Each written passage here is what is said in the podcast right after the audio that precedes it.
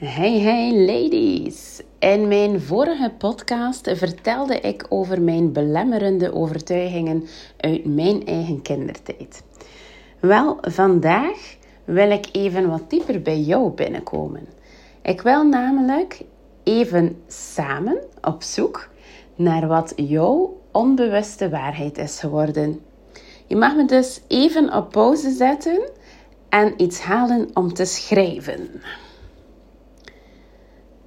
Ik hoop dat je het hebt gevonden. Nu, we gaan een beetje een oefening doen. Alles wat dat jou tijdens mijn vragen of verhalen te binnen schieten, dat mag je opschrijven. Deze zullen jou ondertussen een hoop nieuwe inzichten geven. En ik hoop dat je er klaar voor bent. Oké, daar gaan we. Ga in gedachten even mee naar jouw kindertijd. En dan bedoel ik echt kindertijd. Hè. Ga zo ver mogelijk mee. Het uh, jongste moment dat je je kan herinneren. Misschien weet je nog iets van wat je ouders zeiden toen dat je aan het spelen was. Of toen dat je wiegelwaggel door de living uh, aan het stappen was. Toen je ophing in je fantasiespel bijvoorbeeld. Of toen je dicht bij de straat wandelde.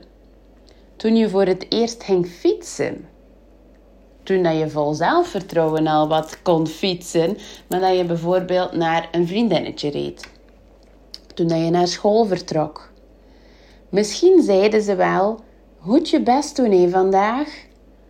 Goed luisteren, hé. Goed opletten, hé. Misschien maakte je wel veel kabaal en zeiden ze wel een keer tegen jou: Zeg, wees nu toch een keer niet zo luid. Doe toch niet zo druk. Stop toch een keer met zagen. Stop met trunten, zeg.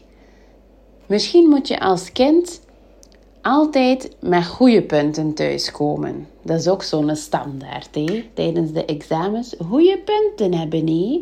Of van andere mensen. En aan ze goed rapport. Of wanneer dat, u, dat je juist thuis bent van het moederhuis. En, slaapt u een baby al door? Ah ja, want een kind moet van direct doorslapen of het is er iets niet juist mee. En in plaats van de inzet, dan om even terug te komen op je rapport, in plaats van de inzet die beloond werd als het dan eens wat minder was. Er zijn zoveel voorbeelden dat ik echt nog uren zou kunnen doorgaan. Zijn er ondertussen al wat overtuigingen binnengekomen? Kan je je nog herinneren wat je ouders tegen je zeiden als kind? Misschien was er iets herkenbaar, of misschien herken je het wel bij je broer of zus.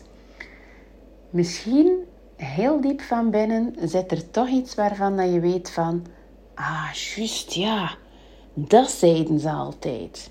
Als je dat nu echt niet weet, kan je dat ook nog een keer gewoon gaan vragen aan je ouders. Of misschien ergens filmpjes van vroeger uh, nog een keer gaan terugbekijken of foto's. Soms komt er dan ook al wel een keer een herinnering in verder.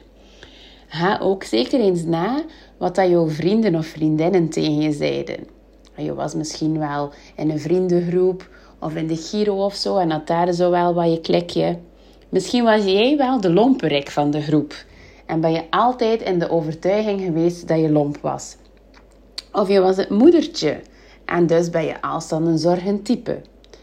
Of je was de strever, want je wou je best doen op school, want dat had je zo geleerd. Maar daardoor wou je ook altijd de beste zijn. Of je was een snop. Dat kan. Alles kan. Dus over je kindertijd en nu over je vriendentijd.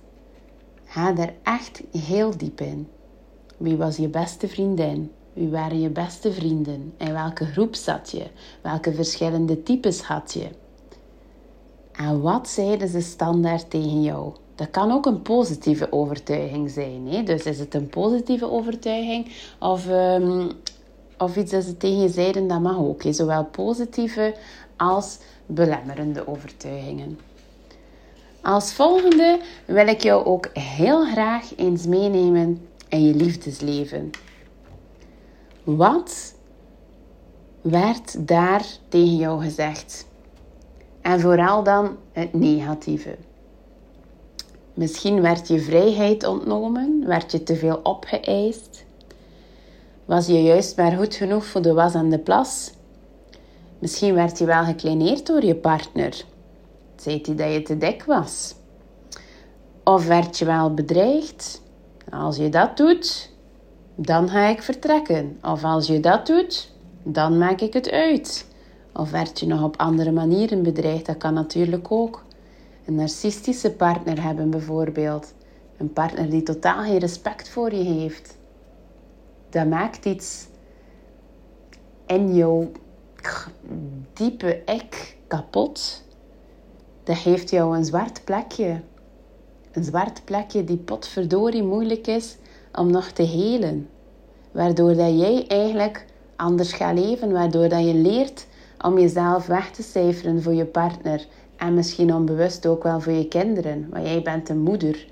En een moeder kan niet meer genieten van haarzelf.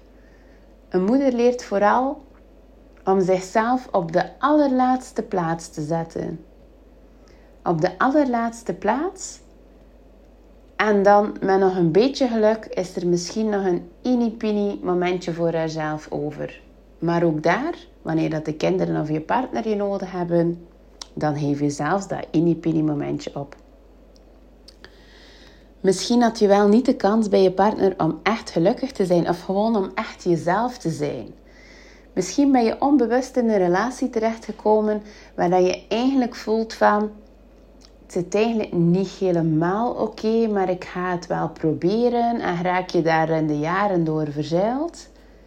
En ben je nu op een moment gekomen waarop dat je terugkijkt en dat je zoiets hebt van oh, dat was precies toch niet mijn beste beslissing ooit. Dat kan. Heb jij wel een moment om aan jezelf te denken in je relatie? Mag je jezelf daar op de eerste plaats zetten? Laat die vragen ook echt goed bij je binnenkomen. Zet me dus nooit zoveel op pauze of dat je wil. Maar ik wil dat je hier echt heel bewust even gaat meedenken. En als laatste, dan wil ik met jullie heel graag eens nadenken over de werkvloer. Denk even mee aan je allereerste job tot nu. Hoe werd jij behandeld? Zagen ze jouw talenten? Of lag de focus vooral op jouw tekorten? Op je minder goede kwaliteiten?